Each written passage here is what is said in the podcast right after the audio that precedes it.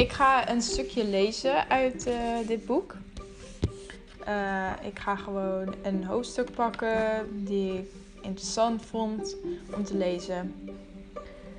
Ze denken dat ze weer zal herstellen. Annie had Quinn enkele minuten voor hij bij het ziekenhuis arriveerde teruggebeld. Het personeel van de eerste hulp had Sierra's maag leeggepompt en haar aan enkele infusen gelegd, zei Annie. Sierra's vitale organen werkten allemaal nog. Quinn zuchtte van oplichting en bedankte Annie voor haar telefoontje. Hij voelde zijn bonkende hartslag iets kalmeren. Hij was hier niet klaar voor. Een aanraking van de dood bij iemand die zo jong en onschuldig was. Hij had de hele rit naar het ziekenhuis aan Sierra zitten denken. Aan haar verwarde en ontwapende gezicht. De opgelatenheid van een meisje dat op weg was om een vrouw te worden. Haar eerlijkheid en transparantie naar Quinn toe. Wat had hij anders kunnen doen? Wat had hij, tegen haar moeten zeggen de laatste keer dat hij bij haar was? Nou, dit is een uh, uh, korte um, ja, uh, stukje uit een van de hoofdstukken van de Bloedweker. En dit is een van de personages die dit beleeft, Quinn Newberg. En ik ga ook in het kort even vertellen uh, wie de hoofdpersonages in het boek zijn. En daarna ga ik wat meer over het inhoud van het boek um, uitbreiden. Dus um, ja, over de personages. Um, Quinn Newberg, dat is een toffe advocaat in Las Vegas. Hij wint uh, de meeste juries zo om zijn vinger.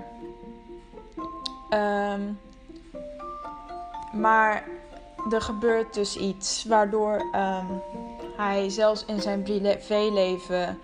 Um, ja, dat het tot, uh, tot in zijn privéleven diep in zijn nek zit. En uh, ja, dat heeft heel veel invloed op zijn leven. Dan heb je ook nog een personage, Catherine, een cynische jonge journaliste. Zij, en zij, uh, zij weet, opeens heel veel dingen over een moordzaak die alleen de dader zelf kan weten. en ze krijgt ook heel veel um, rare droombeelden en uh, hallucinaties over um, een misdrijf die um, plaatsgevonden was. En ja, ze ziet ook in een droombeeld hoe een donker geklede figuur slachtoffers ombrengt. En uh, dan heel apart is dat, gewoon bijbelteksten achterlaat uh, op de plaats van het misdrijf. En um, ja, dat klopt natuurlijk niet. De persoon die dat doet is echt wel een beetje gestoord. Nou, niet een beetje, denk ik. Uh, nou ja, hoe dat gaat in het boek is, ja, Catherine die... Um, normaal leven leidt. En uh, opeens krijgen ze allemaal aparte dromen, maar uh, niet na elkaar echt. Het is meer dat ze um, af en toe een rare droom krijgt waar ze schrikken, wakker wordt of zwetend. Maar um, dan gebeurt er een misdrijf. En dan weet zij daar gewoon aparte dingen over. Dan weet ze gewoon heel veel erover. En ja, zoals ik al zei, uh, dat kan alleen uh, de dader weten die um, de slachtoffer achterlaat.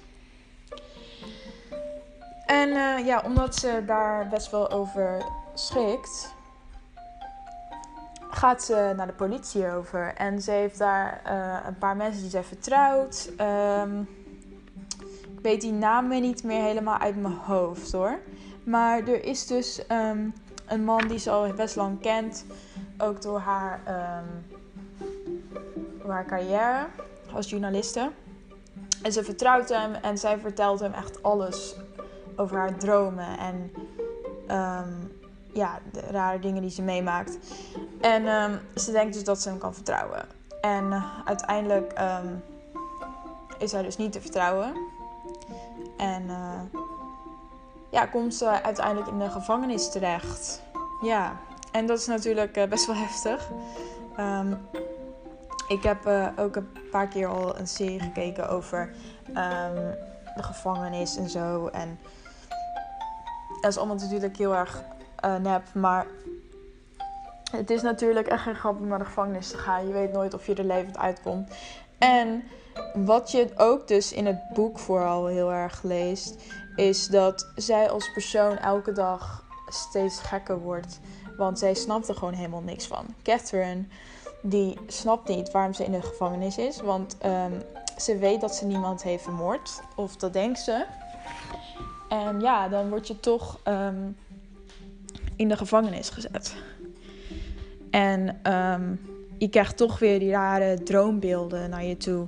En je wordt toch weer schrikkend wakker. En ja, dat is uh, heel veel in één keer. En ja, Catherine als personage in het boek, die wordt uh, een beetje gek. En um, ja, op tv en over de nieuws wordt ze ook heel anders ingeprent en um, dan de bedoeling is. En sommige mensen geloven ook dat zij ook de bloedwreker is. Dus de grote seriemoordenaar van Las Vegas. En uh, ja, soms dan denkt ze zelf dat ze ook de moord, moorden gepleegd had die er gebeurden. Maar ja, um, ze snapt er allemaal helemaal niks van. Gewoon zoveel um, dingen wat zij niet begrijpt. En um, ja, ze weet ook niet of ze iedereen kan vertrouwen die zij dacht dat ze kon vertrouwen. En uh, ja, dus uh, Catherine, een van de hoofdpersonages, die maakt dat allemaal mee. Maar dan over Quinn Newberg, die heeft ook een zus. Die heet um, Annie, volgens mij. Uh, ja, volgens mij Annie.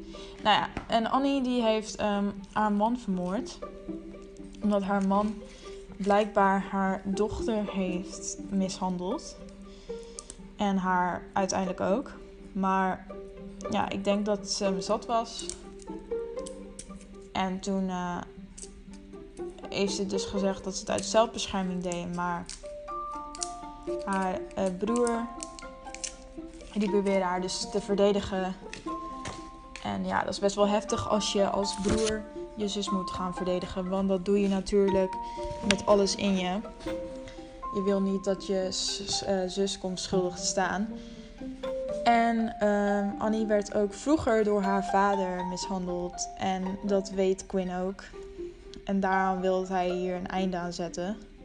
Dat zij gewoon gerechtigheid krijgt. En dat ze niet de schuld krijgt om haar man te vermoorden. Want hij weet wat zij voelt. En hoeveel afkeer zij aan haar vader had als kind. En ja, nu ook als uh, vrouw van je man. En dat je de man dat met je eigen kind doet, terwijl jij weet hoe jij het ervaren hebt uh, als kind. Dus uh, Quinn Nieuwberg die doet alles om zijn zus Annie te beschermen en te verdedigen in de rechtszaak uh, voor een moord die zij gepleegd had. En ze heeft ook een dochter, Sierra. En um, die heeft in het boek um, heel veel meegemaakt, ook als um, puber, beginnende puber. Want ja, haar vader is vermoord door haar moeder. Maar haar vader mishandelde haar ook. Dus ja, die heeft ook heel veel trauma. En uiteindelijk uh, in het boek probeerde ze ook een keer zelfmoord te plegen. Dus dat was ook allemaal heel heftig. Maar um, wat ik wel het grootste uh, ja, climax vond, is ja, om erachter te komen wie nou de moordenaar is, wie de bloedwreker is, die al die moord, moorden gepleegd had.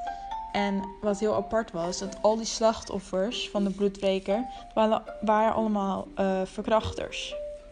En uh, Catherine, die werd als student, ja, in haar studentenleven, toen ze twintig was, werd ze door haar vriend verkracht. Dus uiteindelijk gelooft um, de jury en um, ja, eigenlijk haar eigen advocaat ook dat zij de moordenaar was. En ook omdat ze die rare dromen kreeg in haar slaap. Dus um, zij wordt steeds gekker, want zij snapt allemaal helemaal niks van.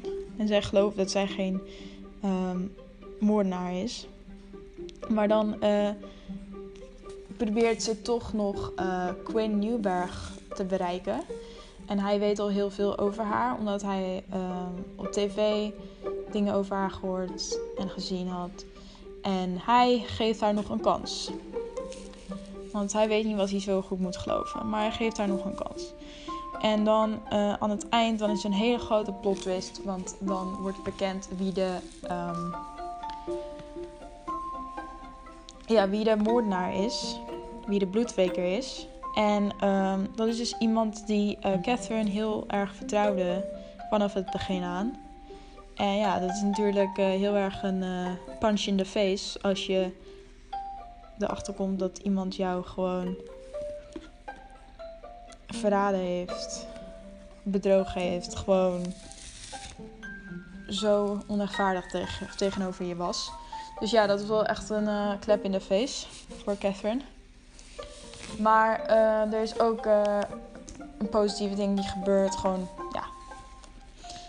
Catherine die wordt verliefd. Um, en ik zag er een beetje aankomen op wie. Dus uh, ik ben benieuwd wie, of jullie dat ook zo ervaren. Dat je gewoon weet um, hoe dat allemaal afloopt met Catherine. En um, met haar advocaat. En met, met de rest allemaal ik moet wel zeggen, ik vind het wel echt een uh, heel boeiend uh, verhaal. Het is ook. Uh, ja, het zijn er. Wat? 108 hoofdstukken of zo. 109. 108, 109. En uh, ja, dus uh, soms dan ben je het wel even zat. En dan denk je, oké, uh, ik ga niet verder lezen. Maar ja, dat heb ik niet gehad met dit boek. Ik wilde gewoon iedere keer wel weten wat er ging gebeuren. Wat, wat de vervolg ervan was. En ja, er waren wel een paar um, hele grote plot twists. Dus dat was wel ehm, super leuk. en ik vond Catherine echt een hele leuke personage. En ik had echt met haar te doen. Um, en ik vond Quinn gewoon een leuke gast. Ja, als ik het, toen ik het boek las, toen dacht ik gewoon van... Je bent gewoon een topper. En um, gewoon... Ja, ik mocht me gewoon gelijk... Ja, als je een boek leest, dan heb je gewoon je eigen beeld erbij. Dus uh, ja, dat had ik dus ook. En ja, wat ik wel uh, heel, heel groot onderwerp ja, wat wil ik zeggen? Ja, wat, wat het grote thema van dit boek is, is dat mensen die jij denkt te vertrouwen, die zijn eigenlijk niet, niet te vertrouwen. Ja, dat kom je achter als je het boek leest. En uh, ja, er zijn toch wel mensen die je wel kan vertrouwen achteraf. Maar ja, soms dan weet je dat niet. Of dan denk je dat je iemand kan vertrouwen en dat is toch niet zo ja, het, het, is, uh, het gaat ook heel erg over advocaten en de rechtssysteem en zo. En dat vind ik allemaal best wel ingewikkeld. Mijn broer is wel advocaat. En die vertelt, hem, vertelt er soms wel iets over. Maar ik weet daar niet heel veel over. Maar ik snap eigenlijk wel um, ja, hoe dat allemaal gaat en zo. Dus het is niet te ingewikkeld voor iemand, denk ik. Ja, oké. Uh, je moet het niet lezen als je tien bent of zo.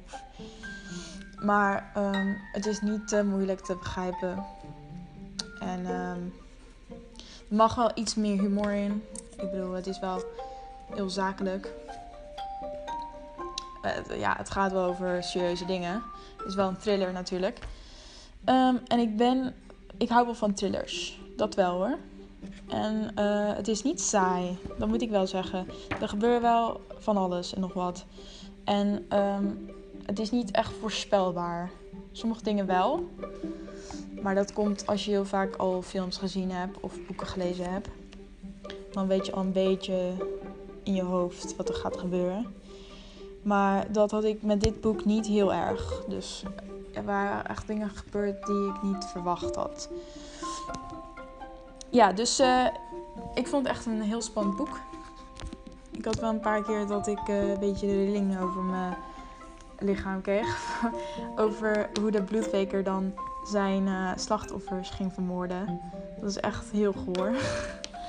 dus dat wil ik niet weer beleven zo. Maar uh, wel super leuk. Um, om te weten hoe dat allemaal gaat in rechtszaak ook. Dat, uh, ik heb er wel wat van geleerd. moet ik zeggen. Ja, dus eh, echt een aanrader. En als je spanning wil en toch geen Netflix wil kijken, dan is de Bloedweker een grote aanrader. Dus dat. Gaat de bloedweker lezen.